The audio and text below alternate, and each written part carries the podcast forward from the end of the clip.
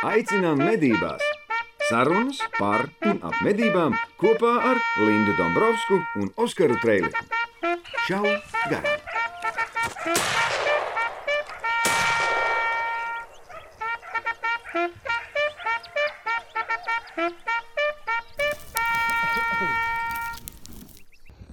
Šodien daudz darba, daudz skriešanas, bija divas filmēšanas. Ā, Liekas, ka spēka vairs nav, bet milkofija palīdz. Ielai, ierauj un skrien tālāk. Draugi, mīļie, mums ir mazais izbraukums, 180. epizode. Esmu atbraukuši uz Sigūdas aizsardzības pārvaldi. Man liekas, pirmo reizi šajā ēkā. Un man blakus ir uh, Gita Strode, kas ir dabas aizsardzības pārvaldes, dabas aizsardzības departamenta direktore. Pareizi trāpēju. Jā, tā ir. Kas ir tie jautājumi, ar ko tu ikdienā nodarbojies? Lai, lai cilvēki, kas skatās, kas ir galvenokārt mednieki, bet arī nemednieki, lai saprotu, kas tas ir, ko tu dari. Nu, visu, ko ja tā var izteikties. Tātad mūsu pārziņā ir gan citas tēmas, kas varbūt tiem, kas ir mednieki un ā, darbojās, dodas arī kaut kur medībās ārzemēs, kas varētu būt saprotamāks. Tad, tad izsniedzam šīs citas atļaujas, tā skaitā arī Latvijā. Teiksim, ja ir vilki nomedīti un kaut kur trofejas grib pārdot vai pārvietot, tad attiecīgi certifikātus. Mēs arī strādājam ar to, ka izsniedzam atļaujas nemedījamo sugu ieguvēju. Tad, tad, tas, kas ir saistīts ar, ar, ar nu, gan jau, ka visi zina, zosis, zosu limitēta ieguve, ko mēs pavasarī atļaujam kormorāni, kur ir postījumi, arī citas aizsargājumas sugas, ja ir kaut kādi izņēmumi gadījumi. Tāpat mēs arī skatāmies ietekmes uz vidi novērtējumus, atļaujas darbības saskaņojumus aizsargājumās dabas teritorijās. Tā ir skaitā dabas aizsardzības plāna izstrādes, uzraudzība, sugu plāni. Un, nu, principā, es pat teiktu, la- lauku politika pa laikam jāiesaistās. Nu, patiesībā diezgan- nozarē, nu, principā diezgan ir- jebkur. Diezgan plaša tēma ir. Jā. Nu, tur, kur, tur, kur vienmēr ir kāda saistība ar sugām vai biotopiem vai, vai to izmantošanu, nu, tur tas mūsu darbības lauciņš iestiepjas. Un dabas aizsardzība jau nu, nevar eksistēt viena pati. Tā ir nu, saintegrējama ar citām nozarēm. Līdz ar to Ļoti sanāk, cieši ka- patiesībā. nu, vai vienā vai otrā virzienā mēs vienmēr esam tas uh, pa vidu, kuri dabū no visiem. Vai Tāpat nu kā par- mednieki. Tad, tad vai nu mēs, ā, vai nu mēs dabūjam kritiku par to, ka mēs sargājam par daudz vai sargājam par maz. Nu, mums ir jābūt spējīgiem kaut kā tajā visā līdzsvaru noturēt. Čau, tas ir. Čau. Tas ir Oskars Strēlis, mūsu, mūsu podkāstu trešā dvēsele. Mēs esam trīs dvēseles, viņš ir trešā dvēsele. Gita mums višķiņi apstāstīja, ko viņi dara. Tēmas ir ā, kormorāni, un, un roņi, un zosis, un dabas aizsardzība un vispārējais. Labi. Kolosāli. Par ko mēs sākam? Par lāčiem vai par lūšiem? Vai... Nu, domāju, varbūt tās par to saldo tēmu, kas tagad ir baigā aktuālā. Ne uzreiz malcā. Nu, kur ir Ko saldi? tur Kur, par tiem, kor, ko tur par tiem kormorāniem tur un vēl kaut ko skaidrs? kur ir saldā tēma no visām? Nē, nu kā, nu sāksim ar lāčiem, beigsim ar lūšiem droši. Nu, Bet tur jau vēl, vēl tā. visādas citādas lietas Tas jau vēl viss kaut kas ir. Jā, bet, nu, Nē, nu, Aizsardzības plānā. Nē, kamēr es neesmu aizmirsusi. Ko tagad nozīmē? Vakar bija ziņa, ka tiek izstrādāta ministra kabineta noteikumi, ka tiks izstrādāts 76 jauni dabas liegumi. Tad cilvēks, normālais mednieks, parastais, nu, mums, mūsu kontekstā, med, bet cilvēks parastais ir mednieks, parastais, viņš to izlasa. Un ak, 276 dabas jaunas teritorijas, kur nevarēs elpot, būs jāsteigā basām kājām un jādzied tautas dziesmas. Nu, tas ir tas, tā vīzija, ko cilvēki redz. Kāpēc un ko tas nozīmēs? jā. Patiesībā kaut kur pie tevis arī būs birzgalē. Tur bija es redzēju birzgāles purvi vai vēl kaut kas tam līdzīgs. Nu, tad, kurā vietā? Kur tur pie mums ir interesanti, kas būs? Cerams, ka nebūs. Tas viņš ir tas mikro, varbūt liegumiņš kaut kāds maziņš. Nu, tie jaunie liegumi nav tādas uh, milzīgas teritorijas. Tur, uh, teiksim, tā lielākā daļa šo te jaunveidojamo teritoriju ir uz valsts zemēm, tātad tie ir uh, valsts meži. Ir arī daļa privāto īpašumu, tie gan ir vairāk vidusburtnieku apkārtne. Un, uh, tas, uh, kāpēc tiek veidoti jauni dabas liegumi. Tieši šobrīd tas iemesls ir tāds, ka valstī ir pārkāpuma procedūra par to, ka mēs neesam pabeiguši Natūra 2000 teritoriju tīklu. Un, attiecīgi, atsevišķiem bežu un zālāju biotopiem mums ir jānodrošina papildus aizsardzība. Līdz ar to šī ir daļa no jaunveidojumām teritorijām, Tad tas tātad tiek izveidots liegums. Tas, kas attiecās uz saimniecisko darbību, pamatā liegums nozīmē to, ka ir ierobežota mežsaimnieciskā darbība. Tas, kas attiecās uz regulējumu, kas skar medniekus, tad tas ir tad, tad izrietējis pamatā no vispārējiem aizsargājamo teritoriju mm -hmm. noteikumiem. Tas, kas ir uz liegumiem, nu, liegumos nav aizliegtas medības. Uh, Medības ir aizliegtas atsevišķās aizsargājumās teritorijās vai nu uz kaut kādām sugām vai vietām, kas ir individuālos noteikumos minētas. Tā kā šajā gadījumā nu, medniekus, es domāju, šis nekādā veidā būtiski neietekmē, jo nu, Nu, ja būs mežs, būs arī dzīvnieki. Nu, kas, kas jums no tā mainīsies? Es nezinu.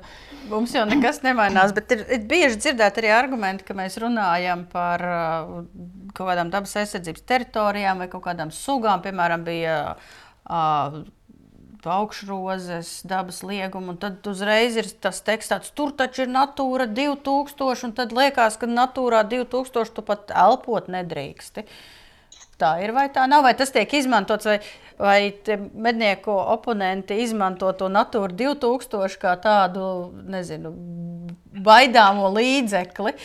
Nu, lai panāktu aizlie, medību aizliegumus. Nu, katrs, jau, katrs jau iesaistās ar saviem argumentiem. Mednieki, lai man piedod, bet arī mēdz pārspīlēt ar uh, visādām tēzēm un argumentiem, kāpēc uh, medīt vajadzētu. Ja? Nu, tā, tas ir apusēji. Uh, Mums jābūt neitrāliem pa vidu un jāizvērtē gan vienas, gan otras puses argumenti. Tas, kas attiecās uz medībām aizsargājumās teritorijās, tad mums ir jāsaprot, kāds ir šo te aizsargājamo teritoriju izveidas mērķis.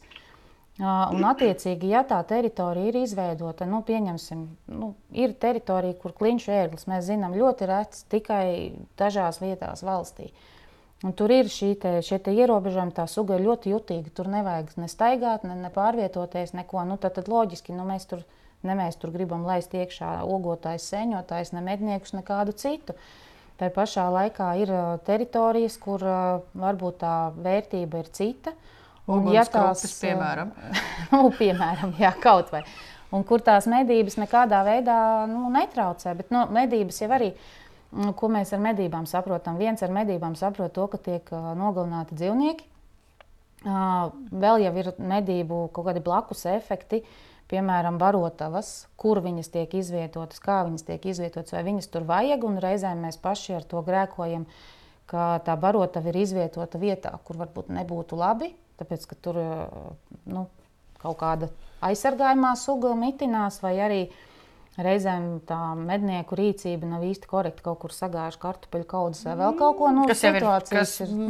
Mūsdienās jau principā ir nu, mazāk, bet nu, pretlikumīgi. Jā, bet, ziņā. nu, bet nu, ne, ne, ne, ne, neizslēgsim tādas lietas arī notiek. Nu, ir daža, ir, ir dažādi, dažādi subjekti. Jā, jā. Nu, līdz ar to visi jau nav vienādi. Ir apzinīgi un ir neapzinīgi. Nu, līdz ar to tā vieta ir jāskatās. Nu, austrozes gadījumā nu, tā vieta purvs, jā, purva, purva centrālā daļa, kur, eh, kur eh, tad teritorija ir izveidota. Tā ir skaitā arī tam, lai nodrauc, nodrošinātu un netraucētu migrējošo putnu atpūtas vietas. Nu, un, eh, ja tajā migrācijas periodā tur tiešām notiek aktīvas medības, tad varētu teikt, ka šie putni tur tiek traucēti. Uh, Bet nu, man jau šķiet, ka tur arī nu, no vienas no otras puses mazliet pārspīlēt, jo es nu, tiešām neticu, ka mednieki purva centrālajā daļā skrien un uh, kaut ko medī.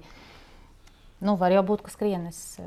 Es, ne, es nezinu, es vienkārši atceros nu, to. Es vienkārši ne, es Nu, to, bija tā, tā, tā to, diskusija. jā. konkrēto, to konkrēto vietu atceros, jo tas, tas teksts bija tāds - natūra, tā taču ir natūra 2000. Nu, nu, nu, ir jāsaprot, tā, ka aizsargājuma teritorija nenozīmē automātiski medību aizliegumu, bet runa varētu būt tu, par to, ka medības ir mazāk intensīvas un kad uh, lai tā medību slodze tiek kaut kā regulēta, lai nav pārāk liela.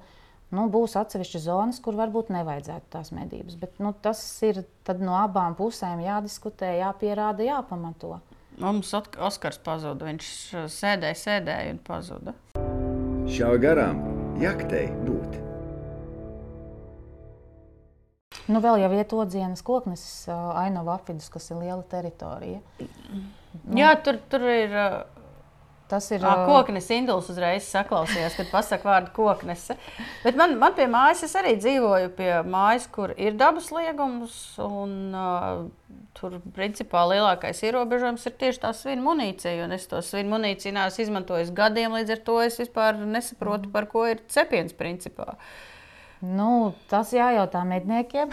Jā, ne, es, es vienkārši komentēju. Jo, jo,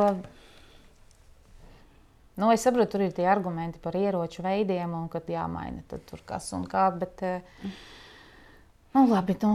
Ne, tas, nav, tas, tas, bija, tas bija komentārs, tas nebija jautājums tev. Nē, nē, mums jau ir arī tādi komentāri, kad, kāpēc mēs piesienāmies medniekiem par svina mudīciju un nedaram neko ar makšķerniekiem. Makšķernieki makšķeriet- tulītās arī dabūs pēc pilnas programmas. Tā Es kā, nu- vispār nevaru saprast, ko tas Jāņankuls, kas iet pikšķerēt uz upi, visu mūžu gājis, un tagad viņam Wolfram liks pirkt. Nu, kā, kā, kas to izkontrolēs un ko jūs ar viņu darīsiet, kad jūs viņu noķersiet? karoti klāt svina vietā. Vai akmeni?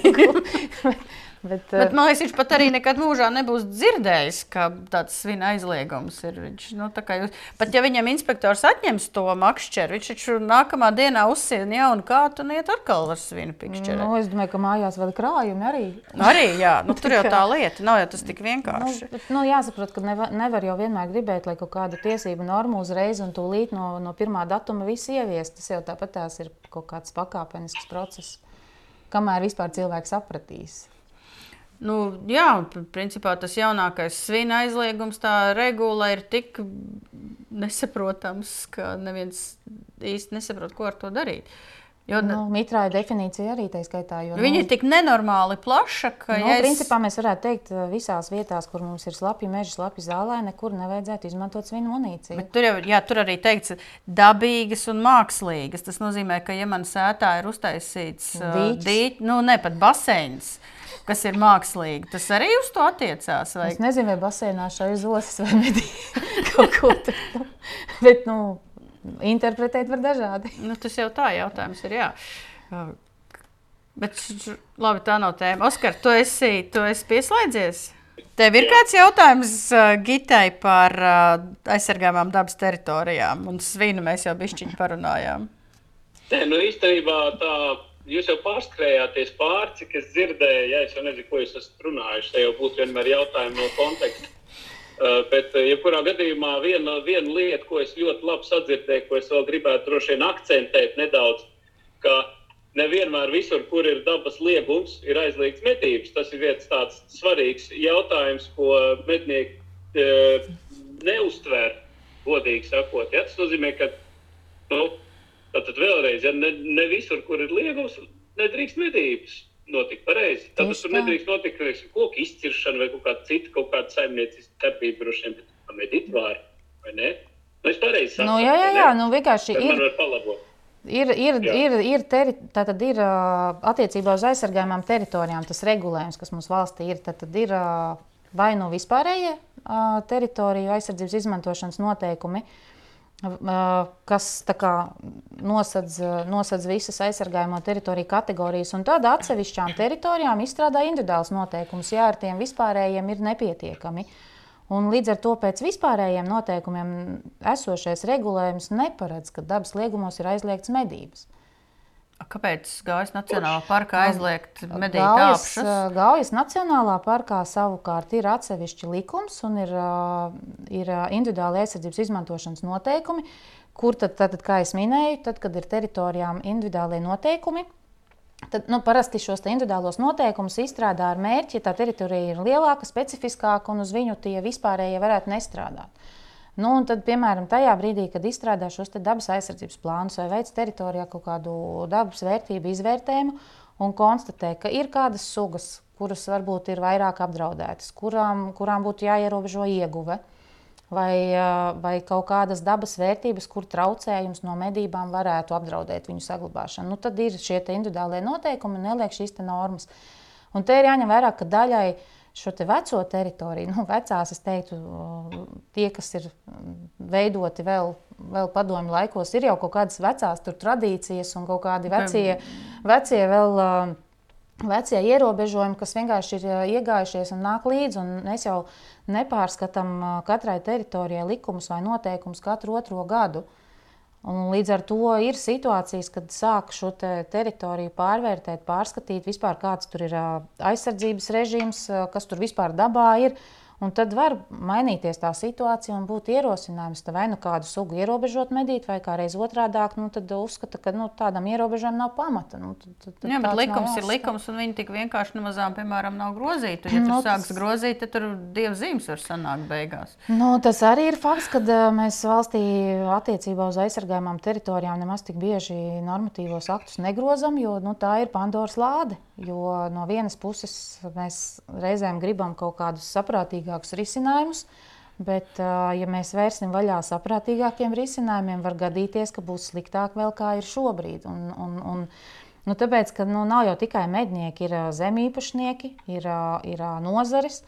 Un, nu, kā it kā visai sabiedrībai gribās, lai ir daba, lai ir saglabātas sugas biotopi, bet neviens jau negrib maksāt pilnībā par to visu. Un tā jau ir tā mūžīgā problēma, kad labāk sargājiet mana kaimiņa īpašumā, mežu nenocērtiet, ne, nevis lieciet man to liegumu. Un kurš tad, uh, nu, kurš tad grib? Un tad, kad iet runa par kompensācijām, tad arī ir mūžīgais stāsts. Jūs man maksājat adekvātu kompensāciju, tad es te to dabu sargāšu. Bet, lai samaksātu adekvātu kompensāciju, tas nozīmē, ka pārējiem būtu jāsametās šai adekvātai kompensācijai. Pie mūsu Latvijas situācijas jautājums, kāds ir gatavs tā vienkārši samesties kompensācijai un maksāt. Nē, visi ir gatavi nobalsot mana balss, bet ja visi tie, kas balsotu mana balss, samestos piemēram par, par 10 eiro, tad mums būtu. Nu, tad mums būtu problēma. Nu, tas jau tāpatās, kā mēs esam. mums vajag pauzīt. Nu ko? Lādē iekšā! Vienkārši vēl jau tas aspekts, nu, mēs esam pieraduši daudz ko eksploatēt bez maksas. Nu, sanāk, ka mēs nu, dabas takās mēs ejam pa. Nu, Kurš grib maksāt? Nu, Gaujas parkā iztaigāt uh, takas, tas neko nemaksā. Mums ir entie skatu torņi, kas neko nemaksā. Uh, Mēs aizbraucam uz citām valstīm. Nu, labi, varbūt vēl Baltijas valstīs šur tur ir jāmaksā, šur tur nav jāmaksā, bet ārzemēs lielākā daļā aizsargājamo teritoriju par ieejām ir kaut kāda maksa. Par, Piemēram, par... cieceres dabas takās vai kā tur jācieceres, tur divi eiro jāmaksā. Nu, ir, kur ir, un ir, kur nav. Jā. Bet nu, mēs esam pieraduši, ka valsts šo te visu nodrošina bez maksas. Un, tad, un tajā brīdī, ja ir aptājas un, piemēram, prasa, vai jūs būtu gatavi maksāt, Nu, kurš tad grib tā vienkārši maksāt? Vai cik maksāt. jūs gribat maksāt? Vienkārši. Un tieši tas pats ir ar, ar, ar daudzām citām lietām. Un tad, nu, loģiski, ka mums mazliet klibo tā, tā dabas aizsardzība, varbūt un adekvāta kompensāciju sistēma, jo neviens jau negrib. Nu, tā nav lieta, ko, ko var otram piespiest darīt ja, ja nav nejūt tas cilvēks, ka viņam pretī ir kaut kāda taisnīga, adekvāta kompensācija nu, tad, par to, ka viņš priekš citiem kaut ko saglabā. Tad brīžiem arī radās tas iespējas, ka, piemēram, pilsētā visi sēž un tad jūs tur laukos, jūs tur visu sargājat, bet tad laukos cilvēkiem ir arī jāsaskarās ar tām, nu, tām nu, reālām laukos, lietām. Mm. Viņiem ir reāli vilks atnāk un apēd to aitu, un reāli ir tas, un tad viņiem pašam tās problēmas ir jārisina. Pilsētā saka, jūs tur sargājat, piemēram, tos vilkus un tos lāčus. Nu, laukos ir jādzīvo cilvēkiem, nu, nenoliedzami, un savukārt nu, arī par tām, ja aiziet par tēmu aitas un vilki, nu, tad te arī es domāju, ka savā ziņā klibo kaut kāda gan komunikācija, gan izpratne no visām pusēm, jo jātiek ievēroti prevencijas pasākumi, tad lielu daļu to postījumu var novērst. Tad jautājums, ko mēs katrs saprotam ar, ar prevenciju. Ja, ja šķiet, ka vienkārši tāpat uzliek žogu, ka tas palīdzēs, tas nevienmēr palīdz. Jautājums ir, vai viņš pareizi ir uzlikts. Otrs, arī tas pats nu, ganāmpulku turēšana ārā pa naktī, ja nav ne suņa, nekas. Nu, nu, mēs jau savā ziņā esam iegājuši tādā Mēs jau cilvēki esam okupējuši dabu, mēs tur esam iegājuši ar saviem lopiem, ar, ar visu citu, jo pirmie tur bija dzīvnieki. Nu, man liekas, cilvēks un dzīvnieki bija gandrīz vienlaicīgi. Nu, jā, jā, bet nu, tādā ziņā, ka mēs tur esam iekopuši savu, savu lauku, ganāmpulku un visu citu, nu, tad mums bišķiņi būtu jāpiedomā arī, nu, vai mēs neuzklājam galdu. Nu, ja mēs atstājam pa nakti ārā lopus, ne, nu, nu, tajā, tajā es... brīdī, kad, kad vilki māca vilcēniem medīt, ja, Nu, mēs taču viņiem vēl, vēl palīdzam, palīdzam nu, par ko ir stāsts. Tad nevajag teikt, ka viss ir es slikti. Īsti, es nepiekrītu tam, ka cilvēks ir, kā, nu, ir baigi atrauc no dabas, un mēs esam kaut kāda mākslīga lieta tajā dabā iekšā. Bet es pilnīgi piekrītu tam, ka, ja tu noliec savu aitu meža vidū, kur ir vilka vai uztājas kartupeļu lauka, tur, kur dzīvo cūks, nu, tad loģiski tev nu, atnāks nu, un viss apēdīs. Oskar, jautājums? Jā. Apēdīt. Nē, loģiski, loģiski. Nē, nu mēs ļoti plaši. Jūs tur iebraucāt visās, visās tēmās iekšā. Jā, īstenībā tad ir skaidrs. Respektīvi, no tā izējot no iepriekšējā man jautājuma, es saprotu, ka īstenībā, nu, protams, ka parkos nacionālos visu medīt nevar, jo tur nosaka, acīm redzot, kaut kādi iekšējie, iekšējie noteikumi, vai ne? Tas pareizi, ja? Bet ir medības notiek, bet... Tur, ar... Natūra, Jā, man vedības var notikt Natūra 2000, tur var. Nē, nē, Oskar, bišķiņ sajauc. Ja, ja Oskar, Nacionālos parkos medības notiek, bet ar noteiktiem jā, jā, jā. ierobežojumiem. Gan tur ir zonas, jā, nu skaidrs, kur jā, tu vari jā, jā, jā. pastalās, kur tu vari zābakos un kur tu vari kurpēs. Nu, redz, kur, nu. kur var iet ap rievīt, es saprotu. Jā. Jā, tas, tas, tas, tas ir normāli, jā. Bet, uh, respektīvi, ja ir, piemēram, ja man tagad kolektīvā ir, mūsu kolektīvu platībās, piemēram, tad nevajadzētu satraukties. Bet kur es varu uzzināt, drīkst medīt, nedrīkst medīt? Piemēram, es zinu, jā, rekur mums ir pateikts, jā, nu, draugi, mīļie, jums tur kaut kāds liegums ir. Nu, mm. Nu, piemēram, ja? mikroliegumiņš.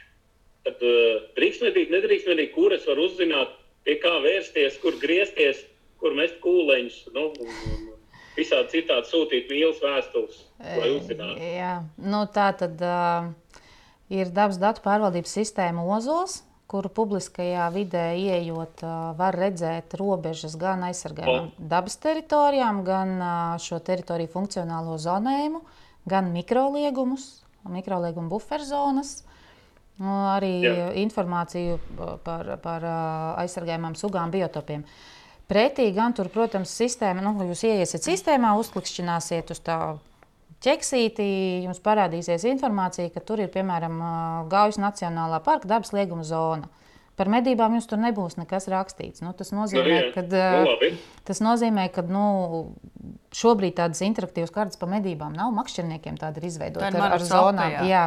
Nu, varbūt mednieki var ar tādu uztaisīt. Mēs esam mēs, gatavi palīdzēt. Mēs bet... medņa ietveros sākām par to runāt, bet tas vairāk attiecās uz uh, publiskā ūdens tilpēm. Jo tur tas tur par attiecībā uz publiskām ūdens tilpēm vispirms ir jāiet civil likumam cauri, jāstāsta, mm. kur ir publiskā ūdens tilpa, pēc tam tu atrodi savu ūdens tilpu, un pēc tam tu sāc meklēt, vai tam pastāv individuāli aizsardzības noteikumi. Tas bišķiņ, nu, kā uh, bišķiņ sarežģīta dzīve, bet es ceru, ka nākotnē ar to mūsu medni izdosies arī to. Jo, jo tad, tad, tas tad valīd, jo pretējā gadījumā jūs atrodat, ka tur ir tā aizsargājumā teritorija, funkcionāla zona, un tad jums atliek uh, iet mūsu mājaslapā. lapā pie aizsargājumās teritorijas, vērt vaļā, skatīties, vai viņai ir individuāli noteikumi, vai vispārēji, vai, vai caur likumiem, vai Google meklēt.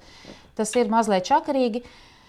Ja galīgi negribās, nu, vienmēr ir zvans draugam, pazvanīt uz dabas pārvaldu un pajautāt. Nu, savukārt, tas, kas uz mikroliegumiem attiecās, nu, tad ir mikrolieguma noteikumi.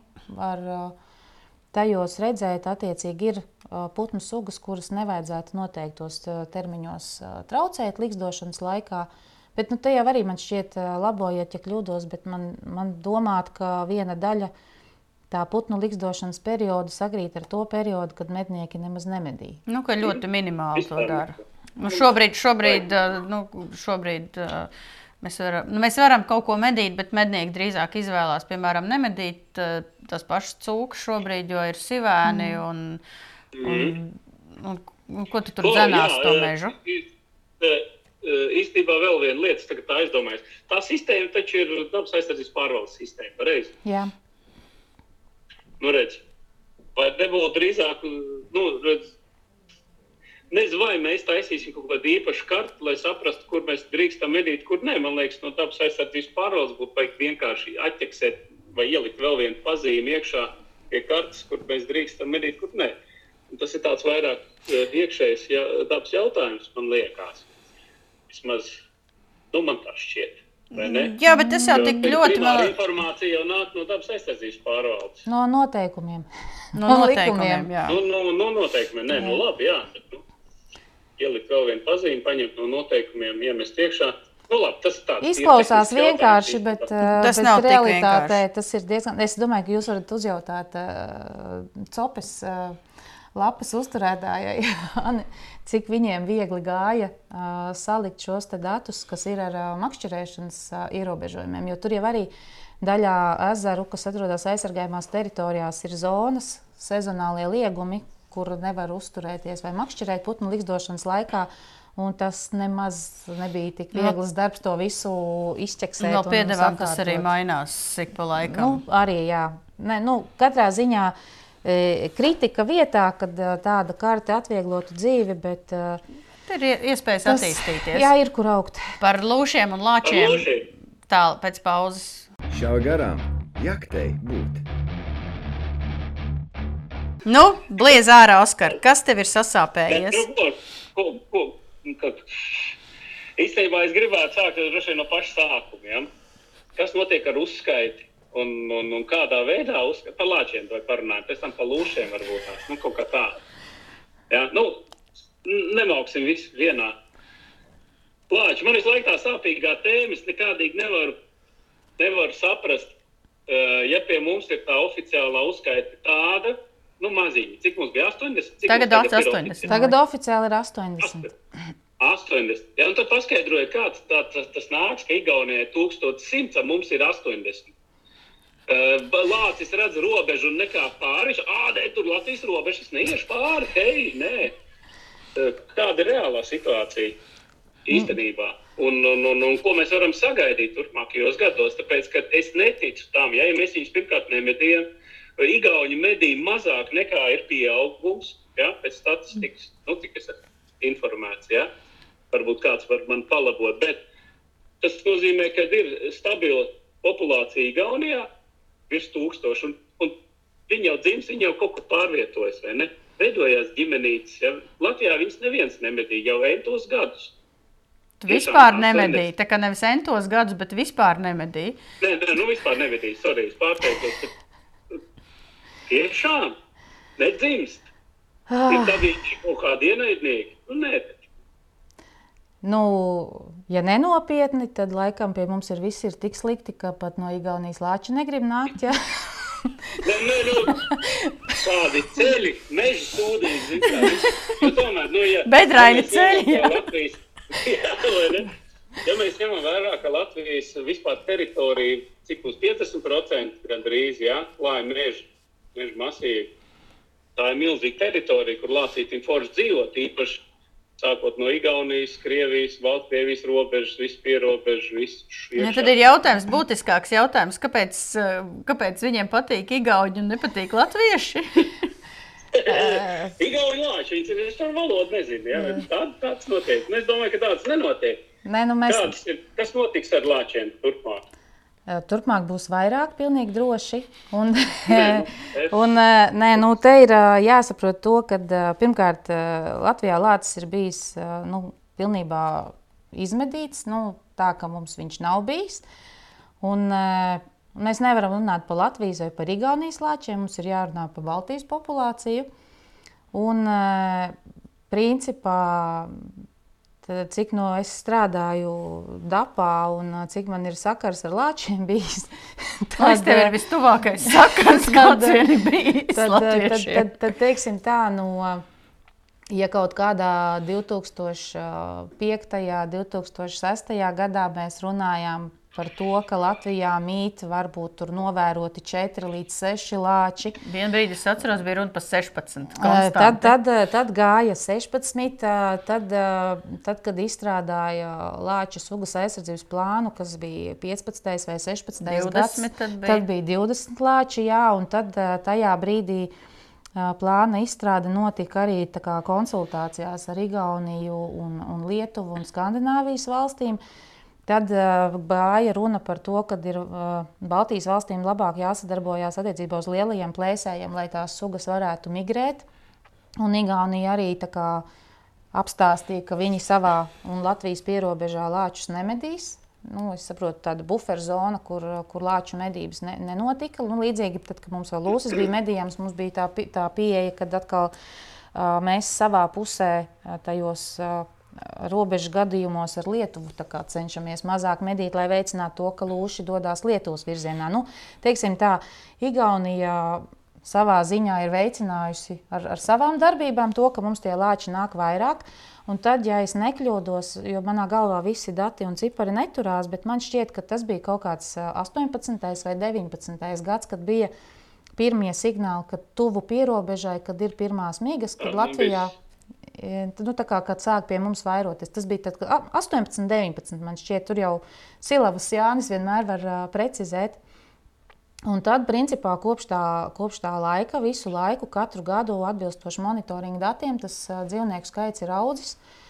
Nu, tā, tad, tas, tad, tad, tad rēķinamies ar to, ka principā, pēdējos gados mēs varam pilnīgi droši pateikt, ka Latvijā arī viņi ir sākuši vairoties. Jo pirms tam bija tā, ka mēs runājam par lāčiem, uh, kas pie mums ienāk, viņi šeit klīst, bet viņi Latvijā nevairojās. Un tagad viņi šeit vairojās. Un tad, kā viens no šiem iemesliem, kāpēc varbūt lāčiem pie mums tik labi nepatīk, bija tā versija, ka ziemā ir dzinēja medības, ka tos lāčus var pamodināt. Nu, tur arī ir, bet nu, tas bija arī viens no argumentiem, un ka varbūt tad pēc tam kaut ko iztraucēja, ka meža strāde ziemā notiek un tam līdzīgi. Tur bet, arī nu, notiek. Un visur notiek. Un, uh, Un ar to meža strādi arī nu, mums ir jāizvēlās, vai mēs kad tad, kad tad vispār kaut ko darām. Jo nu, tad putni, tad, tad lāči, tad zaķi, tad nu, beigās ugunskrupi. E, nē, nu, es jau, protams, būtu laimīga, ja vispār meža strāde nenotiktu. Tas nemaz savādāk nevarētu teikt, ja man būtu, man būtu vispār jāiestājas par to, ka nekur neko nedrīkst darīt. Bet, uh, Bet nu, ir situācijas, kad arī kaut kādai dabas vērtību saglabāšanai tāpat ir koki jācer. Labi, tad, jādara, tad bet, ir nu... tagad vēl viens jautājums, ko ik pa laikam mums uzdod. Es saprotu, ka dabas draugi par šo jautājumu nomētās ar veciem tomātiem, bet, bet cilvēkiem sociālos tīklos viņiem bieži ir tāds jautājums, ja tie lāči mums visu laiku nebija, kāpēc mums viņi tagad ir vajadzīgi? Tāpēc, ka tie ir lāči. Ar ko lācis sliktāks par cilvēku? Ne, nu, vienkārši ne, tas... lāči, mēs bijām cilvēki egoistiski parūpējušies par to, ka pie mums lāču nav. Šobrīd mums būtu jāpriecājās, ka lācis tad viņš pakāpeniski atgriezās Latvijā. Šobrīd mēs varam teikt, ka viss ir skaisti. Viņam ir, kā lai saka, populācijai ir pienācis tāds stāvoklis, ka viņš arvien straujāk un vairāk pie mums parādīsies. Un tas ir tikai normāli. Un, ja Igaunijā uz viņu platību, kas ir mazāka nekā Latvijas platība, var būt tūkstots un vairāk lāču, un neviens nav apēsts vēl sēņotājs vai ogotājs, tad, tad attiecīgi nu, Latvijā es neticu, ka pat ar 120 lāčiem kādu apēdīs, ja vien paši nelīdīs lācim rīklē. Jo te ir tā atšķirība, kad nu, starp Igauniju un Latviju ka Igaunijā cilvēki ir pieraduši pie tā, ka viņiem ir mežos lācis, viņi zina, ar ko jārēķinās. Tad, tad viņi nu, saprot savas rīcības, vai, vai, vai tajās situācijās arī, ja parādās šie problemātiskie lāči, kas var radīt apdraudējumu. Tur nav diskusiju par to, ka jātaisa īpašas glābšanas misijas. Tas dzīvnieks tiek likvidēts, problēma, konflikta situācija tiek novērsta, visi ir dzīvi, izņemot to lāci. Bet, eh, bet tas viss neeskalējās tālāk. Un, eh, jo, jo Un savukārt Latvijā mēs neesam vēl uh, pietiekami izglītoti, jo es atvainojos tas, kas darījās pagājušajā gadā. Ar to kad, smiltens vai gulbenes, gulbenes lāci, tas kad, vienkārši uh, katastrofāli bija. Nu, ja brauc cilvēki ar bērniem, stiep viņus mežā, fonā bildē, lai ieliktu tiktokā, piemētā mežu ar pārtiku, ar uh, plasmasas maisiņos saliktiem kāpostiem burkāniem, un kur tam lācim pēc tam es atvainojos tā sekcija, ja, kad tur kuņģis ir pilns ar plasmasām, striķiem un, un vēl visu kaut ko. Viņam jau ir sākusies jau kaut kāda tur kuņģa atmiršana kur viņš vienkārši mokošā nāvē pēc tam aiziet bojā, un mēs ar to tur skrienam bildēties. Nu, nu, tas mums vienkārši. Nu, tas apziņas līmenis vēl ir tāds, kāds ir. Vai arī ierauga cilvēks, uh, ierauga cilvēks uh, ziņu video, tas pats, ka Bolderā aizlācis. Ja? Nu, ka tur skraida. Nu, tagad, ko Rīgā lielo talku izbeigsim, visi baidās iet Bolderā atkritumus vākt, jo lācis tur apkārt. Jā, nebūtu uzbūs Nu, otrādi labāk. Neviens neies un nemētās atkritumus līdz ar to. Nu, tas būtu jāvāc. jāsaprot, ka pirmkārt, ja mēs negribam, lai mums nāk mājās lācis iekšā, nemētājam atkritumus, neturam lauku apvidos visus šos te dārza atkritumus sagāzt kaut kur pie mājas aiz pakša, kur tad pēc tam dzīvniekus paši pievilinam. Es personīgi priecājos, jo mani lauki ir tur, kur tie divi lāči klīda un kur vēl citi lāči klīst. Es priecājos par lāčiem, jo tas nozīmē, ka ja es eju sēnēs augustā, Tad rudenī, nebūs. tad man būs vairāk sēņu. Bet labi, es, es, to- tas ir super. Labs arguments. Man arī pret lāčiem absolūti nav iebildumi, jo mēs taisām video un viss notiek. Bet tad ir jautājums, tad, kad izstrādāja to lāču aizsardzības plānu un pieņēma lēmumu lāču skaitu Latvijā palielināt. Varbūt nebija jāsāk ar to, ka tad mēs informējam vispirms sabiedrību par to, ka, ja mums parādās lāči, tad nedrīkstēs darīt šo, nedrīkstēs darīt to. Jāuzmanās no šitā un jāuzmanās no tā. Un tad varbūt tās tad, nu, tad tās problēmas mums atkrist, jo šobrīd parādās lāči, un ar lāču parādīšanos mums vienkārši par, parādās kaut kādas problēmas, par ko mēs pat vispār iepriekš nenojautām. Nu, savā ziņā kritika vietā, bet nu, atkal jāsaka tā, mēs uh, no pārvaldes puses sākām uh, sniegt informāciju par to, kā rīkoties, ja sa- sastopies mežā ar lāci. Ja, bet to jau laicīgi. To es, ne, tas nav pārmetums. Jums vienkārši, uz ko es domāju, filozofēju, tieši tas pats stāsts par to, ko mēs runājam par tām aizsardzības teritorijām. Ka, ja kaimiņos aizsargā, tad viss ir kārtībā. Bet, ja es ar to personīgi to problēmu saskaros, tad man tā problēma baigi tomēr nepatīk. Nu, ja cilvēki, ja tā Latvijas sabiedrība zinātu, ka tagad ir jāsteigā pa mežu dziedot, uh, vai ka tur nedrīkst. Svētkiem, Nu, jā, nu, kad tur, piemēram, jāsāk domāt, kā tu tos savus atkritumus, tad tev jāpērk speciālās laukos miskastes, lai tas lācis to Bet tām konteineru neapgāž. tagad būtu tā, ka jābūt nu, pēc nu, atkritumu nu, jā, visiem tad jautājums ir principiem. tas, ka, nu, vai tā sabiedrība būtu tik priecīga par to?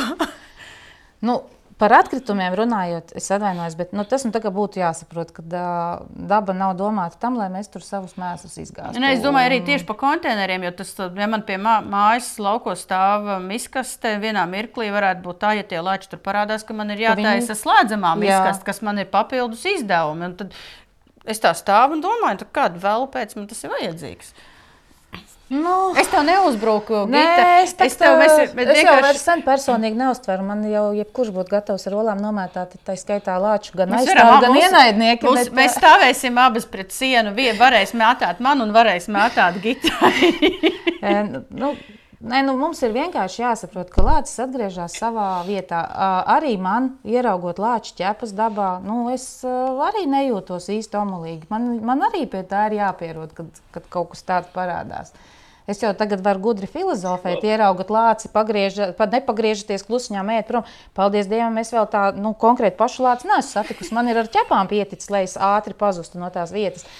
Bet, bet, ā, bet nu, Vi, nu, jebkuram no mums ar to ir vienkārši jāsāk pierast un, un samierināties. Un šitie uh, gājieni, kad uh, kaut ko dīvainu izdzirdam, tagad kāds tur ierūcās un ir jālien obligāti pārbaudīt. Nu, Šito arī vajadzētu kā pamazām pārtraukt. Jo, godīgi sakot, nu, ir bijis jau arī, ka tu kaut kas tur mežā iekungstās un tu pielien, un tev arī stīri nevar uzlikt virsū tā, ka tu tur paliec uz vietas nesaprašanā, kas notiek.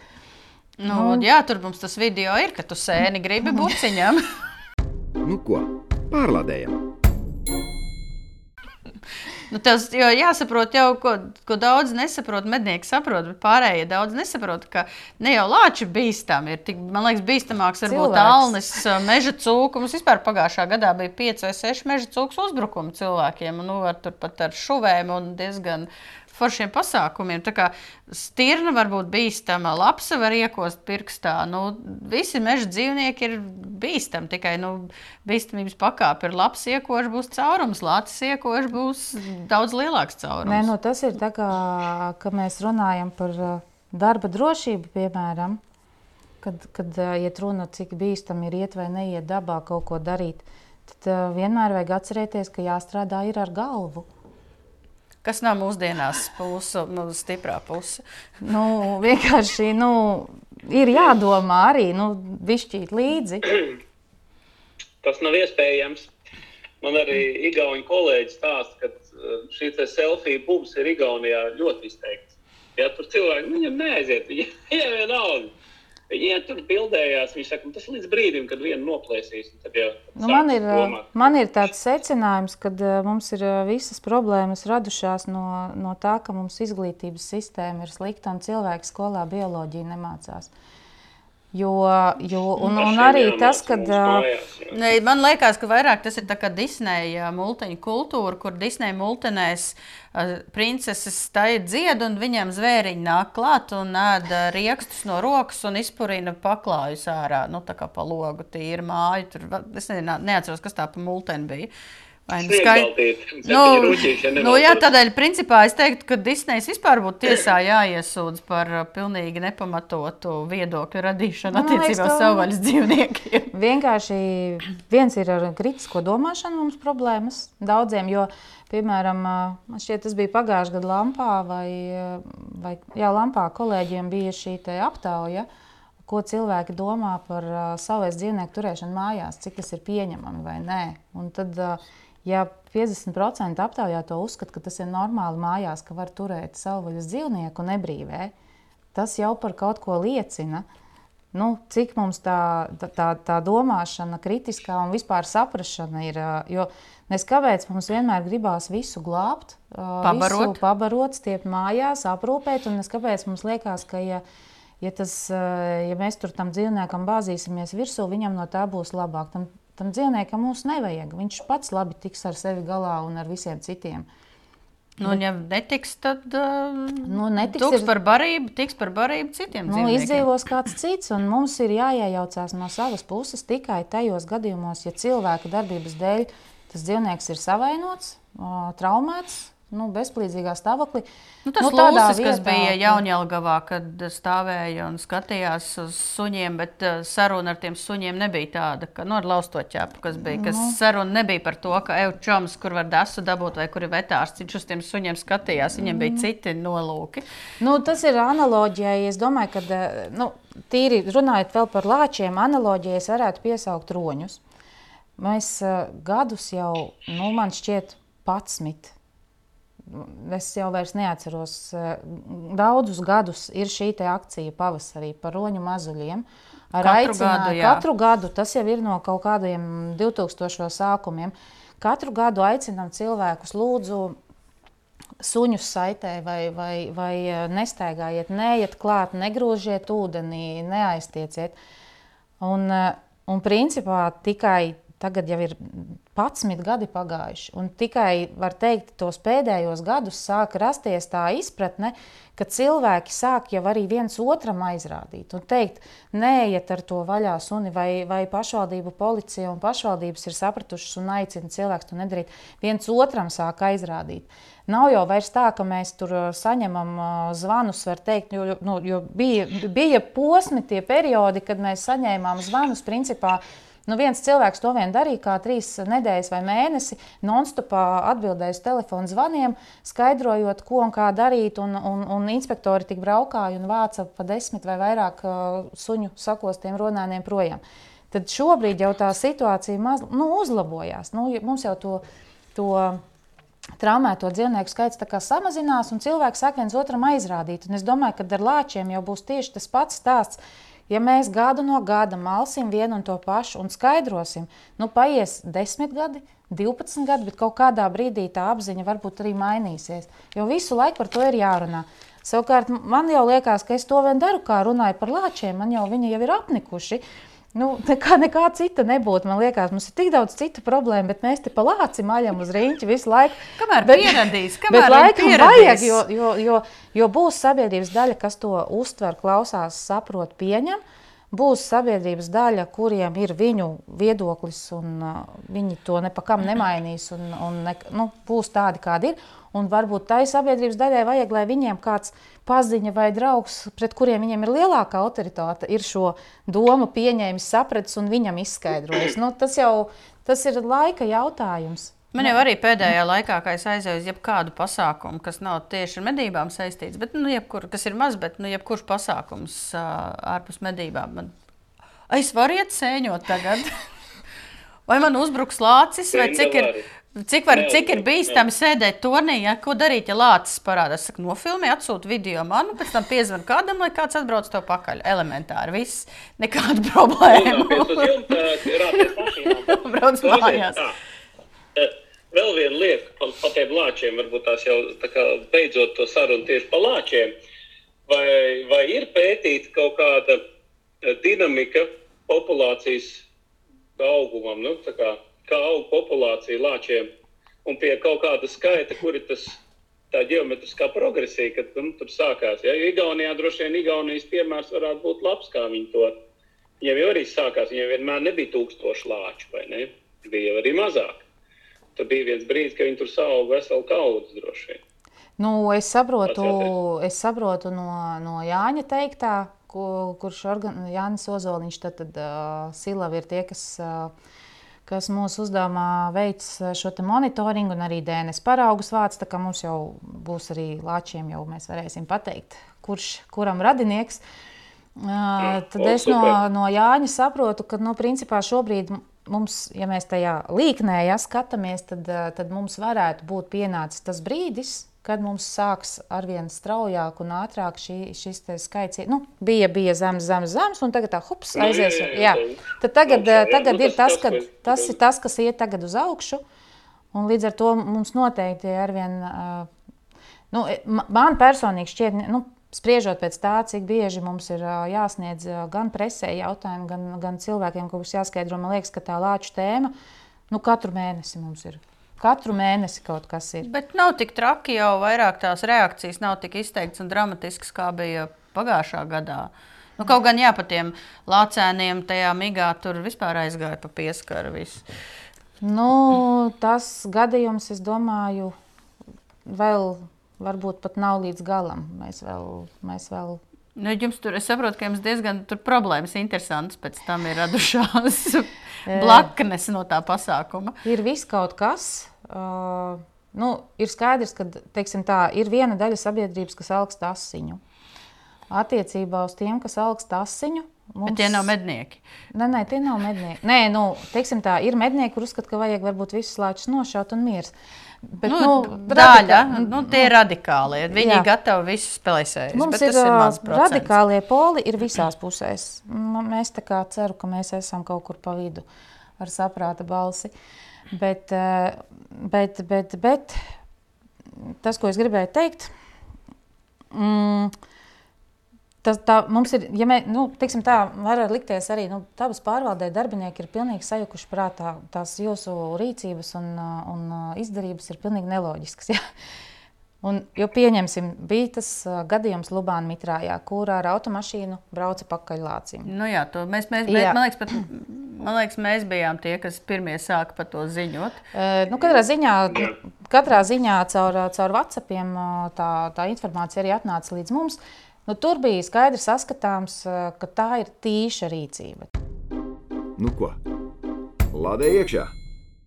Tā tīšā, nu, mums ir jāpierāda, ka tas nodarījums ir bijis tīši ar mērķi. Nu, tad, tad, uh, tur to var pierādīt, un tas, kurš ar to automašīnu brauc, nu, tur jau nav tikai pārkāpums par to, ka viņš ir lāci apzināti traucējis. Tur jau ir arī ceļu satiksmes noteikuma pārkāpums, par ko mēs arī noziņojām uh, attiecīgi policijai. Nu, Kā jūs viņu atradāt vispār? Viņš tas, pats, lai paliek mūsu... Viņš pats pieteicās. nē, nē, nē. Tas, lai, tas, lai paliek mūsu izmeklēšanas noslēpums. Bet tas ir nu, iespaidīgi, tā kā reāli pēc viena video, kur neredz numurzīme, neko atrod pārkāpēju. Tur ir mašīnā ir arī speedometra rādītāji, un mašīnas iekārtojums ir ceļu posmi redzami, kur brauc. Nopietni, Un- draugi, mīļie. Un tad ir labi cilvēki arī. tā, kā, tā kā visu tā skaisti kopā saliekot, ā, reizēm izdodas. Bet, nu, Un tad tā otra puse ir, kad bija tie lācēni zem eglis, un tad cilvēks nejauši piegāja klāt, nofilmēja, un to interpretēja daudzi, ka Nu, tas kad- arī bija tīši. Ka tas ir, tī, ka tas ir traucējums, ka tādēļ lāceni pamet uz migu, bet te es ļoti gribētu uzsvērt un nodalīt divas lietas. Viens ir tas, e, kāpēc tā lācena pameta migu. Viņa pameta migu, tāpēc, ka tur bija meža strādes darbi. Tas bija traucējums, tas bija cita veida traucējums. Ne jau filmēšana bija tas pamat iemesls. Mm -hmm. Un tālāk, tas, kurš filmēja, nu, ko tam cilvēkam var pārmest, jo mēs jau zinām, ka mums uh, arī kucēns var izmest kāds. Nu, tieši Mežā tā, jā. mums var, var vēl visu kaut ko izmest. Un, un, ja cilvēks grib pārliecināties un ne, nezina, kas tas ir, nu, viņš uzfilmē, lai var noziņot darba vadītājiem, lai tālāk var rīkoties. Nu, tad, tad pati filmēšana kā fakts, nu, tas nav iemesls, lai mēs tagad filmētāju sodītu. Tas, ka filmētājam varbūt bija jābūt. Apzinīgākam un nevis sākumā iemest to visu sociālos tīklos, bet noziņot, piemēram, dapam, silavai, mēs saprotam, kas kur kā. Pirms vēl sociālās tīkls atcepās. Protams, līdz mums jau tā informācija atnāca, bet nu, mēs būtu bijuši spējīgi ātrāk reaģēt. Tā kā, nu, tas ir viens, bet nu, tas ir par to meža strādi jautājums. Jā, nu, kā, kā, tie, kā tie meža strādātāji veica darbus, kad viņi pārtrauca.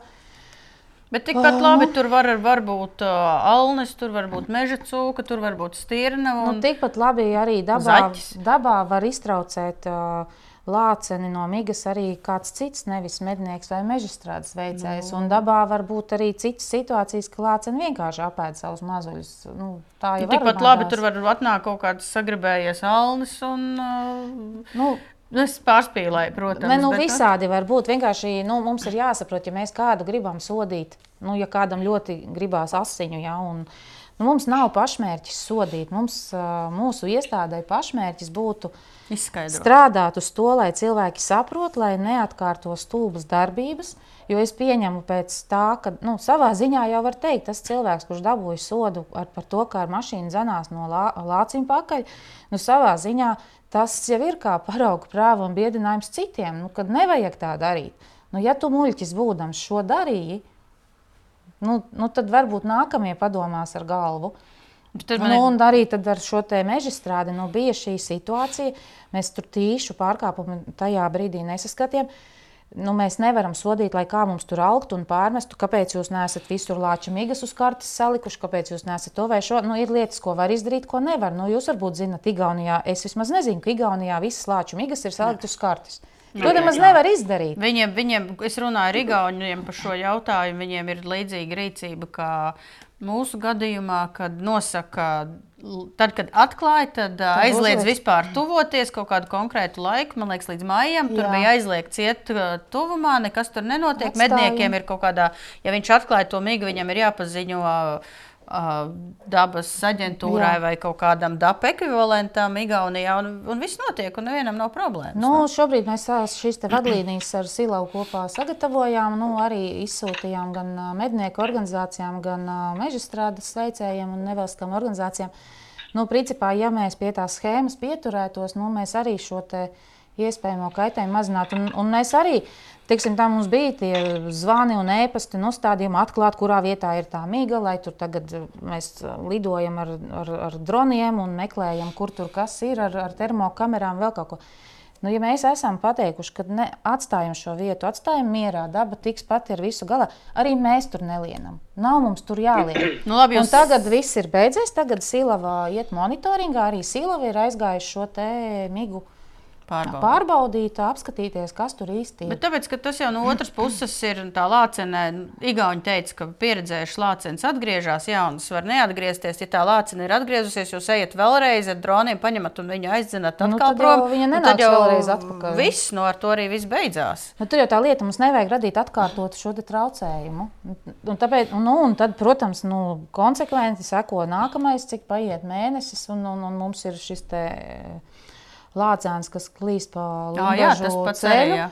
Nu, un tad, nu, tad arī sabiedrībai tā neizprat, "A, kāpēc jūs tad vot, mežā migu atstājāt, negājāt glābt, neelpinājāt lāčus, ja, un tagad jūs to lācēnu no, no ceļa savāciet un, un kaut kur aizvediet.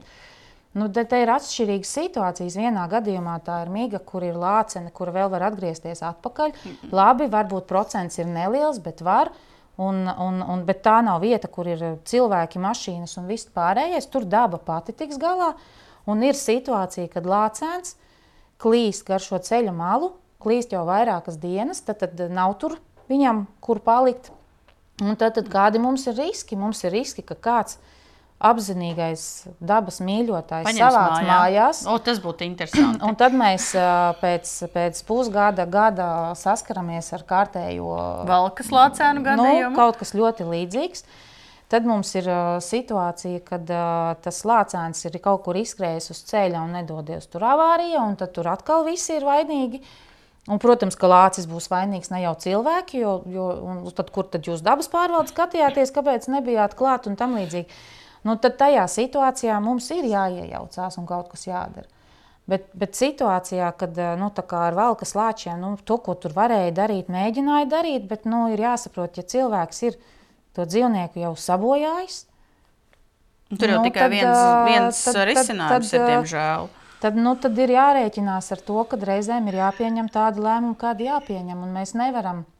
Nu, tāpēc arī varbūt es saku, ir tā neizpratne sabiedrībā, kāpēc tāda aprīcība vienreiz ir tāda, otrreiz šāda, trešreiz tāda, bet katra tā situācija atšķirās. Viņa ir unikāla, un apakšā ir 101 tas, ā, tas apsvērums, kāpēc mēs rīkojamies tā, kā rīkojamies, ņemot vērā tā brīža iespējas. Mums nav voljēru vai karantīnas, kur ielikt divus lielus pieaugušus lāčus, bet mums ir voljērs un karantīna, ko mēs varam nodrošināt mazam lācēnam. Un mazu lācēnu mēs varam atrast mājas, kur viņu, kur viņu pēc tam Nu, jā, tur tas ir izmitināt. Tas ir- lietas. Jā. Tas ir dažādas lietas un dažādas situācijas, un, un tie apstākļi vai iespējas. Nu, vienmēr var gribēt vairāk, iespējas ir tādas, kādas ir. Līdz ar to mums tie lēmumi jāpieņem. Nu, to, ko mēs tajā brīdī labākais varam izdarīt, tas arī jādara. Jā, mēs liekas par šo tēmu vēl ir kaut kāds 150 jautājumu par lāčiem, bet, ā, bet es gribu. Mēs varam stundām, Linda, runāt. par Bet es, es, es gribu par, par, lū, par lūsi arī. es gribu arī par lūsi jā, mazliet jā, jā. parunāt. Vajadzētu teikt par, kā lai saka, lēnām iet uz noslēgumu, bet izrunāt lūsi vajag obligāti. Jā. Nu ko, pārlādējam! Par lūsi tā. Es godīgi teikšu, tā, ka lielākajai daļai mednieku sabiedrības tas lūsis sāp. Un lūsis sāp uh, viena iemesla dēļ.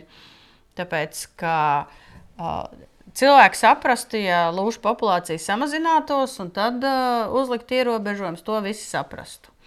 Uh, saprastu arī jebkuru citu apsvērumu dēļ, bet mums visu laiku bija runa tāda, ka mēs, mēs dodam informāciju, mēs vācam uh, datus par pēdām, mēs darām šito un darām to, un lūšu skaits uh, ir nu, tā, stabils. Uh, Pēc ozoliņa reizēm ar tendenci pieaugt, un tad pēkšņi ne no šā, ne no tā, labrīt, uh, par spīti tam, ka mums bija stingra sezona, kuru samazināja, par spīti visiem monitoringiem, par spīti mednieku naudām, par spīti nelielajam limitam un visam pārējiem, bla, bla, bla. Un tagad viss stop, beidzam medīt lūšus, tāpēc ka Tāpēc, ka paši muļķi. ok, paskaidro. Tā, nu, tā tad no bioloģijas viedokļa lūsis ir pašregulējoša suga. Nu, mums viņus, ja būs pa daudz, viņi paši sevi noregulēs. No medību viedokļa un no, no šī visa, nu, es teiktu, ka te diezgan daudz tās konsekvences un lietas ir velkamas saistībā ar, ar Eiropas direktīvām un ar to, kādos pielikumos šī suga ir ietverta un kādā veidā tiek izvērtētas un izsniegtas atļaujas. Un te ir tā lieta, kad uh, mēs DAPā izsniedzam šīs atļaujas gan direktīvas sugām, gan nemedījumām sugām, par ko reizēm arī jūs mednieki vai zemnieki vai jebkas pārmetat, ka, kāpēc tur tik briesmīgi atļauja ar tādiem nosacījumiem, ko tur nemaz nevar izpildīt par tām pašām zosīm vai jebko citu. Ka tur viss ir tik šausmīgi sarežģīti un tā, ka bezmaz labāk nemedīt, tad vispār nekā medīt. Nu, bet tas ir tas izņēmums, kā, mums, kā mēs šīs direktīvu pielikumos ietvertās sugas izņēmuma kārtā varam atļaut iegūt. Un, un tas, ir, tas, nu, tas ir birokrātiski, ka mums ir. Mēs nevaram vienkārši pateikt kvotu, tagad šī tik nošaujam un, un, un darīts. Ja? Nu, mums ir jāvērtē katra situācija, piemērošanas līdzekļi, nepasliktināsies populācija. Un Pēc loģikas un būtības ar lūsi būtu bijis jādara tieši tas pats, tad, kad izsniedz lūšu atļaujas. Tas ir mans personīgais viedoklis. Tas ir, kā, sanāk, tas ir no pirms 20 gadiem, tad, kad mēs iestājāmies Eiropas Savienībā, tad jau no tajā brīdī Lūsim vajadzēja būt zem dapa, nevis zem valsts meža dienesta. Tā es to nu, saprotu. Nu, pirmkārt, mums sanāk, ka viņš ir, mums bija pretrunas šajos gan medību noteikumos, gan aizsargājumu uh, sugu sarakstā, šajos noteikumos, uh, ka viņi tur nu, korekti nebija, nebija transponēti. Tas ir viens, bet jau no kaut kādā nu, atkal baidos ar gada skaitļiem sameloties, bet man šķiet, ka jau ir kaut kāds 16, 17 gads, kad jau sāka nākt dažādi jautājumi un informācijas pieprasījumi no Eiropas komisijas puses par to, kā mēs vērtējam un kā mēs izsniedzam šīs atļaujas. Un Latvija jau nav unikāla. Arī Zviedrijiem bija problēmas par to, kā viņi kā viņi izsniedz tās pašas vilku atļaujas. Ir, nu, zviedru, zviedru vilku stāsts tas ir vispār. Tur ir arī. Un, nu, jā, nu, tas ir vēl cits stāsts. Es saprotu, arī, arī uz Zigauniem šobrīd ir pievēršies attiecībā uz lāčiem, nu, ka, kā, kādā veidā, cik juridiski korekti tās lāču atļaujas tiek izsniegtas. Nu, katrā ziņā mums, es uzskatu, ka mums bija opcija sakārtot to visu laicīgāk un laicīgāk sniegt skaidrojumus. Bet, nu, es varu tik no savas puses teikt, mēs rosinājām nu, to, to lēmumu pārskatīt, vai to veidu, kā tas tiek izsniegts, un, un viss cits, un, un, un varbūt kvotas samazināt. Bet, nu, kā, kā ir, tā ir. Šobrīd, šobrīd lūsis tagad kā suga ir daba kompetencē. Tagad, ja kāds gribēs nošaut, piemēram, klibu lūsi, kurš ēd vistas, Nu, nu, tad, tā kā man blakā mājās. Nu, jā. tad, nu, tad jums būs jāvēršās DAPā ar atļauju, ar, ar lūgumu izsniegt atļauju konkrētāk lūša nomedīšanai. Un tādā attiecībā, cik liela, cik liela ir tā iespēja, ka dabs tomēr izsniegs šo atļauju? Tas tāpat kā visām sugām. Tātad mums ir tie daži principi, kas jāievēro. Ja suga ir, tad mēs varam izsniegt atļauju pie nosacījumiem, ja suga ir labvēlīga aizsardzības stāvoklī. Tad, nu, tad ar lūsim viss ir, ir kārtībā. Okay. Pagaidām vēl viss ir kārtībā. Nu, bet, nu, jā, mēs varam diskutēt par to, kas mēs padiskutēsim par to pēc gadiem. Nu, jā, bet nu, pieciem. Nu, šobrīd, šobrīd, ja mēs runājam okay, jā. par šo brīdi, tad, tad ir ok. Nākamais, vai ir citas alternatīvas? Nu, kāda mums tur ir alternatīva? Noķert un uh, vest mājās. Un, Izārstēt un palaist atpakaļ. Nu, vest uz meža vairogiem, prasīt, lai sabiedrība sametās ārstēšanai, kā tas bija ar to klibo. Klibo citu lūsu jaunjēlgavā, nu, tad varbūt tās vestiņa nu, atpakaļ. Nu, tad, tad tas ir tās nav... alternatīvas, un tad ir nu, kaut kādas neatliekamas sociāla-ekonomiskas vajadzības vai zaudējumi vai vēl kaut kas. Tad to visu saliekot kopā, nu, tad, tad, tad arī mēs to lēmumu izsniedzam. Nu, kā... Cik tā reāla iespēja? Šobrīd neviens, neviens jau nav prasījis. Bet, bet var prasīt. Nu, aizliegts jau nav. Okay. prasīt jau var. Vienkārši nu, nu, konkrētais dzīvnieks, kāpēc, kāda iemesla dēļ. Nu, tā, mums tā, tas, tas izvērtējums ir garāks. Vienīgi no etapas, kā tu pierādīsi, ka tieši tas lūsis ir tas, ko, ko, kam jūs atļauj prasījāt. Bet, nu, Bet kā tad, bet attiecībā, piemēram, uz zosīm ir izņēmums, jums taču ir konkrētās vietās, ir nevis vietas. uz konkrētām zosīm. Nu, tur mēs viņus nevaram sazīmēt, tur tos tūkstošus, ka lido pāri. Nu, bet, jebkurā gadījumā mums ir, nu, tā, tāpēc arī ir tā sistēma, ka konkrētā vietā, tiešām, kur tie zaudējumi tiek radīti, ka tajā vietā, va- nu, Bet varbūt tās arī attiecīgi mēs arī par lūsu varētu runāt par konkrētu vietu, piemēram, divas atļaujas. Nu, tas ir Piemēram- Piemēram, gadījumā, ja pierāda, ka tur tiešām lūsis, nezinu, apēda visus apkārtnes kaķus vai, vai, vai aplasa vistas vai vēl kaut ko. Ne, jo, jo es to saprotu, tad tas, tā kognitīvā disonance ir par to, ka jā, viņš tur pats regulējās, jā, bet šajā gadījumā medības nebija tas, kas to sugu reāli apdraudēja. Un, nu, tā, tādā, tādā veidā, kā tas notika, un tādēļ mednieki nesaprot, nu, kāpēc, Nu, e- kāpēc e- es, ne? es personīgi uzskatu, ka tur, tur daudz ko varēja izdarīt savādāk, bet uh, mums uh, patīk katram sēdēt savos ierakumos, nevis uh, Bet ieklausīties. vai, nu jā, vai nebija tā, ka tur arī triggers tomēr bija tā tas balsojums, mana balss par to Tas arī viens, bet saceltais. Tas Nē, arī ne jau, ne jau vienkārši, teiksim, ja tas nebūtu bijis, es domāju, ka viss būtu bijis kā Nē, nē. Oskar, nē, Nē, nē, tur nē, nē. Tur, tur Nē, sākās, jautāju. tur sākās pārkāpuma procedūra. Ja? Tur bija dažādi apstākļi. Pirmkārt, atšķīrās šie te dati o, par lūšu skaitu, kas izriet no monitoringa, ko silo veids, un o, otrs ir skaits, ko uzrāda meža dienests. Tas, tas ir viens. Jā, bet Kā- tas ir bet atkal, mēs, tad, kad, runājam, kad mēs runājām par mežģību un vispārējo, tad uh, ornitologi runāja par to, ka dati atšķirās, tāpēc ka metodas atšķirās, un tad nav salīdzināms. Bet šitien jau tieši tāpatās metodas atšķirās, līdz ar to dati nav salīdzināmi, bet var salīdzināt tendences, kas bija patiesībā līdzīgas. Nu, arī, nu, jebkurā gadījumā es domāju, ka eh, tur bija gan dati, gan balsojums, gan pirms tam bija jau jautājumi aizrādījumi no Eiropas komisijas puses, ko mēs uh, droši vien nespējām ministrija līmenī vai nu atbildēt vai izskaidrot.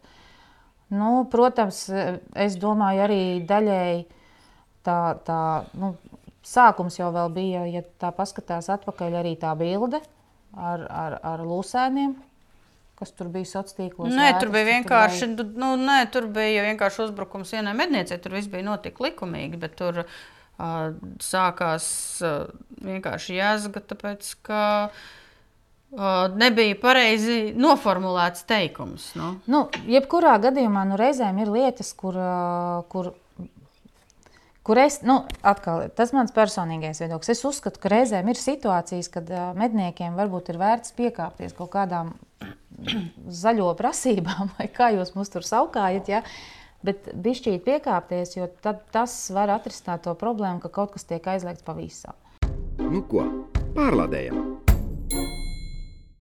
Nu, labi, un kas tagad nākotnē, kā, kā, kā mēs redzam, kas ar to lūsu nākotnē notiek, ko dabs redz tā kā vīziju?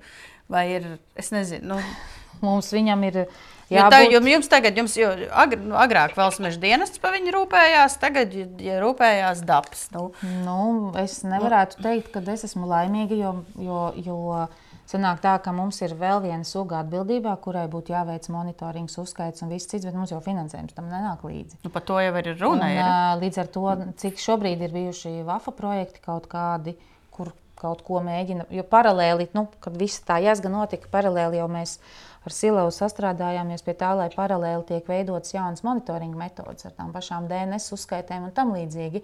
Nu, jā, kas nu, ir notiek. daudz dārgāk. Tas nekā- ir daudz dārgāk, bet nu, Jo, jo mednieki tagad, nu, iepūtiņiem viņi neko neziņos. nu, es to saprotu. Bet, nu, tā jau mēs ā, viens Ne. otram ik pa laikam iepūšam, un tad visiem viss ir slikti. Bet, bet, nu, Linda, Linda, mēs jau varam ko? Mēs jau mednieki varam apkopot šo informāciju. Nu, kā mednieki. Mums tā informācija būs. Nu, tas pēc tam var iegādāties. Mēs varam, Jā, mēs varam pārdot. jā, jā. mēs varam pārdot statistiku, ja gribat. Tik Nav. ļoti, jā.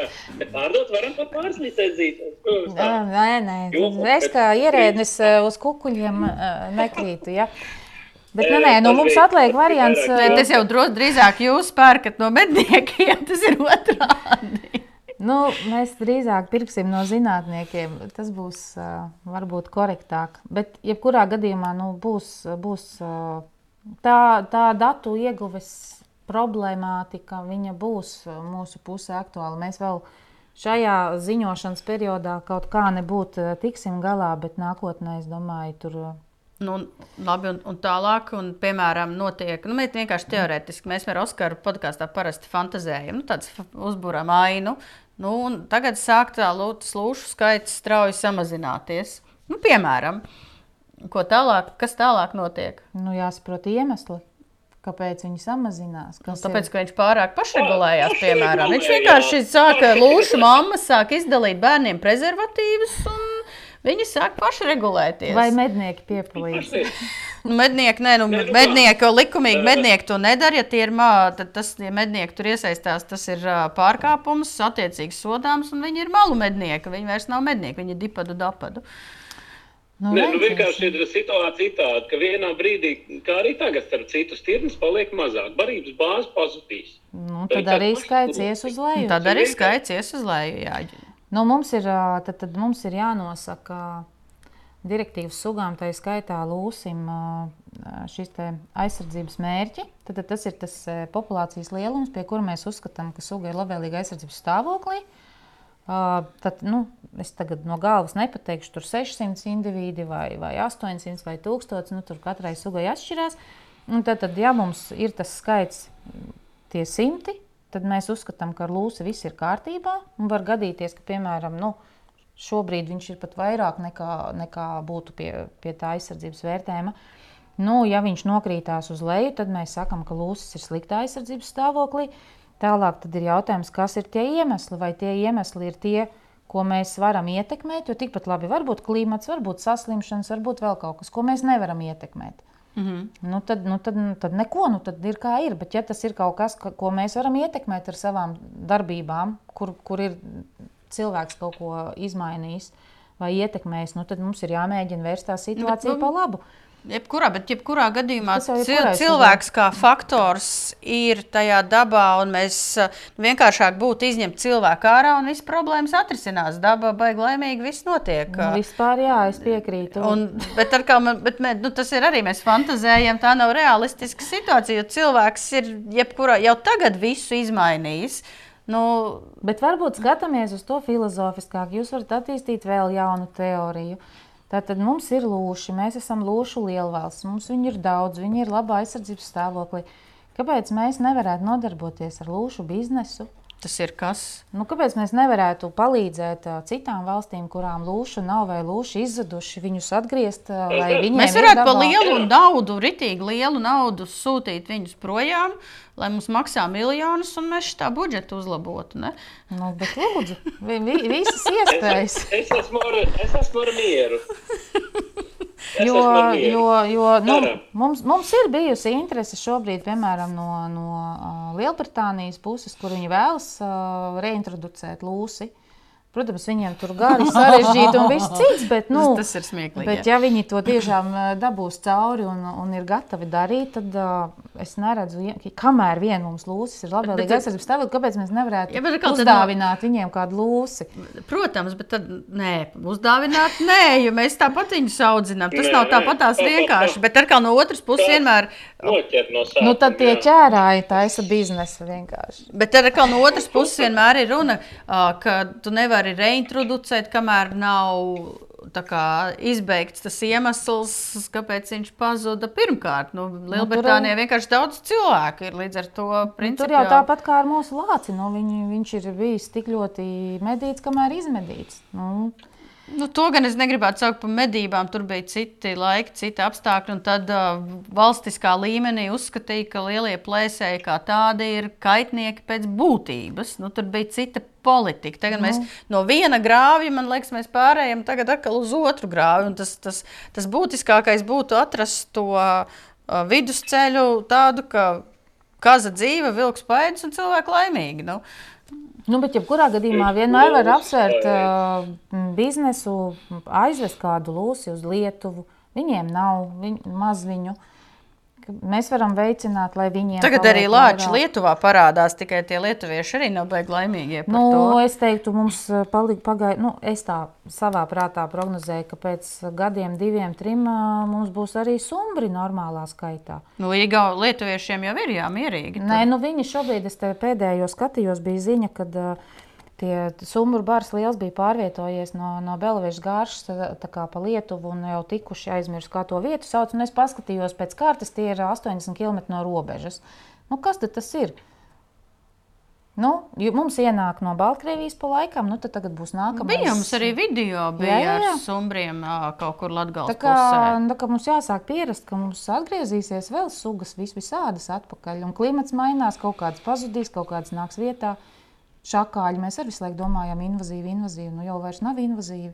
Nu, jau mums jāsaka, ka dabiska suga viņa dabiski izplatās. Mums Jā, noteikti. Vispirms parādījās, vispirms dabiski parādījās Igaunijā, un pēc tam dabiski pa- parādījās, parādījās Nu, Latvijā. šakāls arī mums ir. dabiski vairojās. Jā. Nu, šakāls Ļoti mums arī direktīvas suga. Nu, šakāls ir direktīvs suga, bet beidz, beigsies to, ka viss būs apēsts. Un, nu, ne jau nav, es biju pārspīlēju, jo tas jau viss tā līkni iet uz augšu, uz leju. Nu, tad, kad, tad, kad medības es redzu kā instrumentu, kas to vairāk notur, ko mēs arī varējām redzēt ar lūsi, ka tas ir nu, līmenī visu laiku. Un tagad būs tādi augsti kāpumi, kritumi. Nu, tā kā ik pa 10 gadiem, 20 gadiem būs uz augšu, uz leju, uz augšu, uz leju. Nu, dabas draugs teiks, ka tā ir daba. Nu, tā jābūt. Dabiski fluktūē. Nu, bet, nu, Nu, katrs mēs no sava tā. Atkal no otras, nu, protams, bet no otras puses, tad mums ir dabīgi, kā cilvēkiem dzīvot talās, ģērbties kažokādās, nenodarboties ar lauksaimniecību. Uh, ēst tikai mamutus, ko mēs varam noķert, tad mēs atgriežamies Vai ne? atpakaļ pie dabas. Nu, tad tas ir pilnīgi otra Ne, nu, galējība. Pat arī tik tālu, Linda, pat arī tik tālu nav jāmeklē. Ja? Tad, kad notiks uh, ugunsgrēks no zibens spēriena, kas ir dabas process, dabīgs, vai ne? Ko tad mēs darīsim?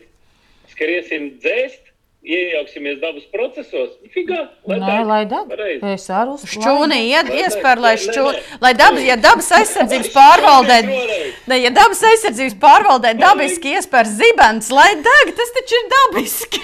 Nu, jā. Tas taču ir dabis. Ko jūs tur skrienat dzēst? Nē, vai ne? bet tā Dabas nebūs. Process, Nē.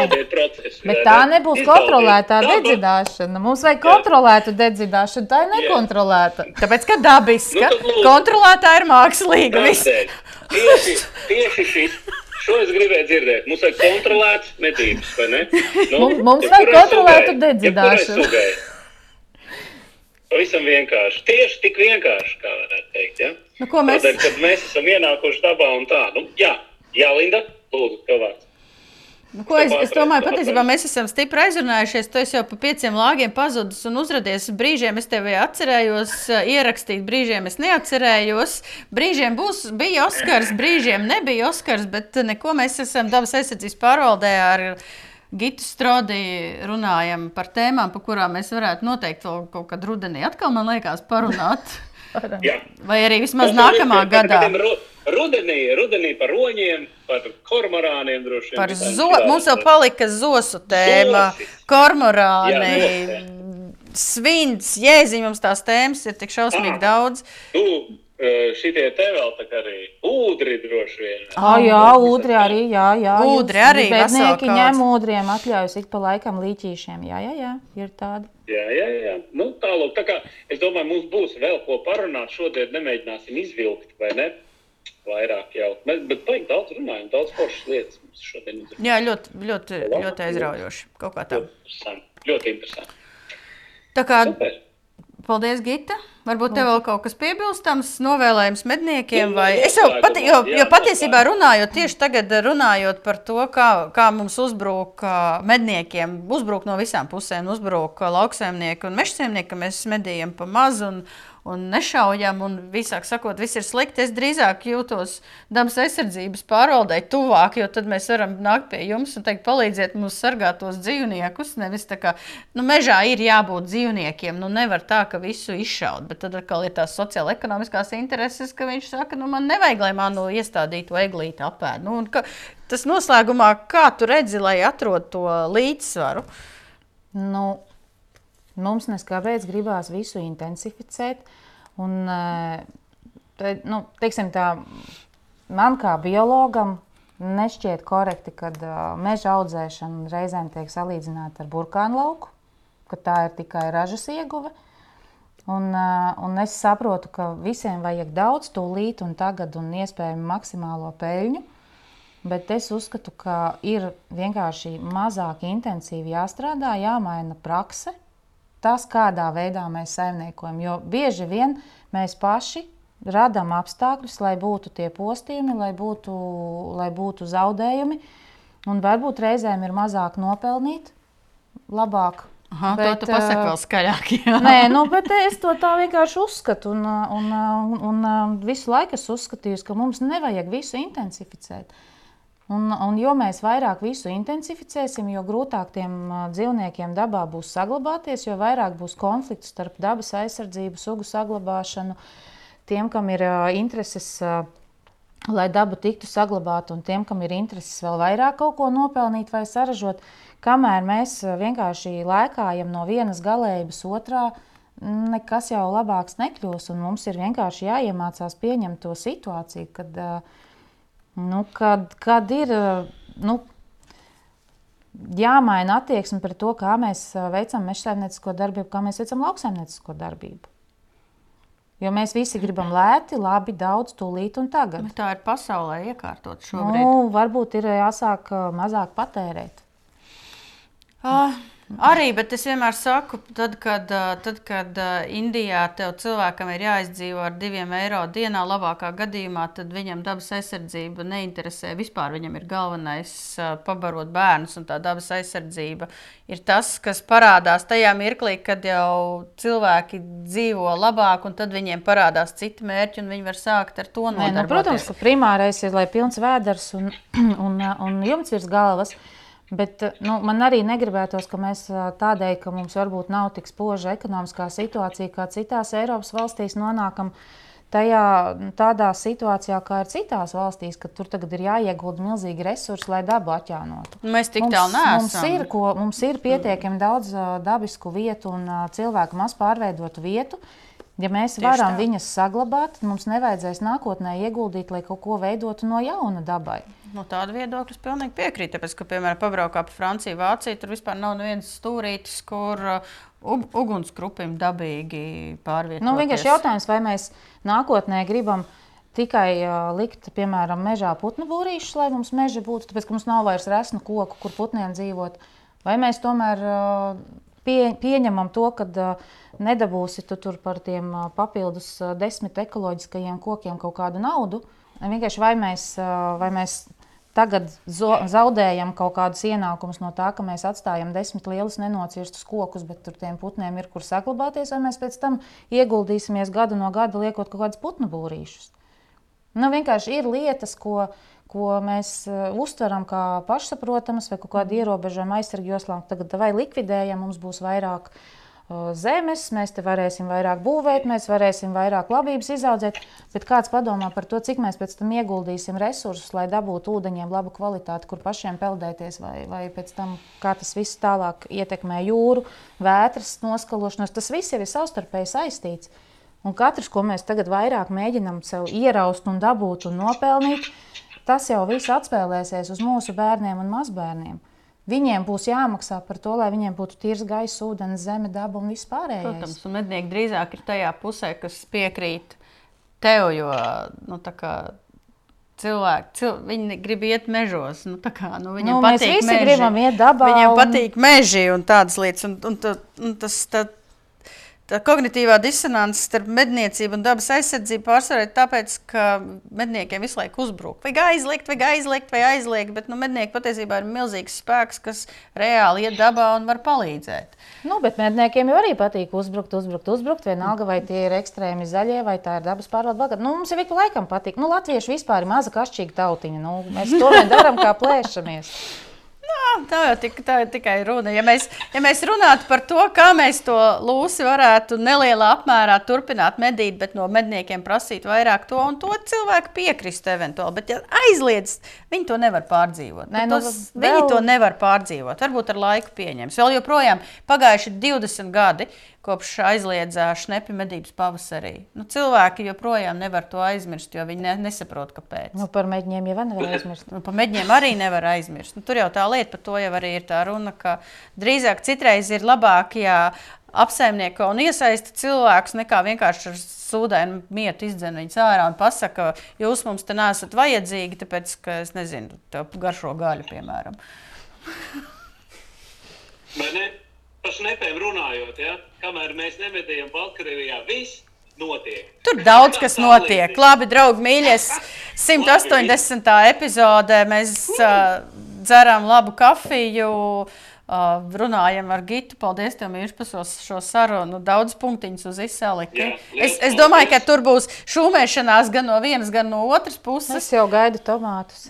Es arī, man arī viņas met manā virzienā. Viss būs Tā, kārtībā. dārgie draugi, dārgie draugi, liekiet laikus un obligāti komentārā sākiet šūmēties. Tas mums ļoti noder arī pie tā, ka šo video redzēs arvien vairāk un vairāk cilvēku. Ja?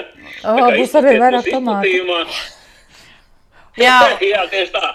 Tā kā gatavojiet tomātus, ja? šaujiet garām, Linda. un Un? galvenais, atceramies, nemēslojiet mežā, nemēslojiet nekur. Ja jūs redzat, ka kāds to dara, aizrādiet un savāciet savus sūdus. Nu, kaut kā tam līdzīga. Atā! Čau! Ņemamies nost! Masts beidzies!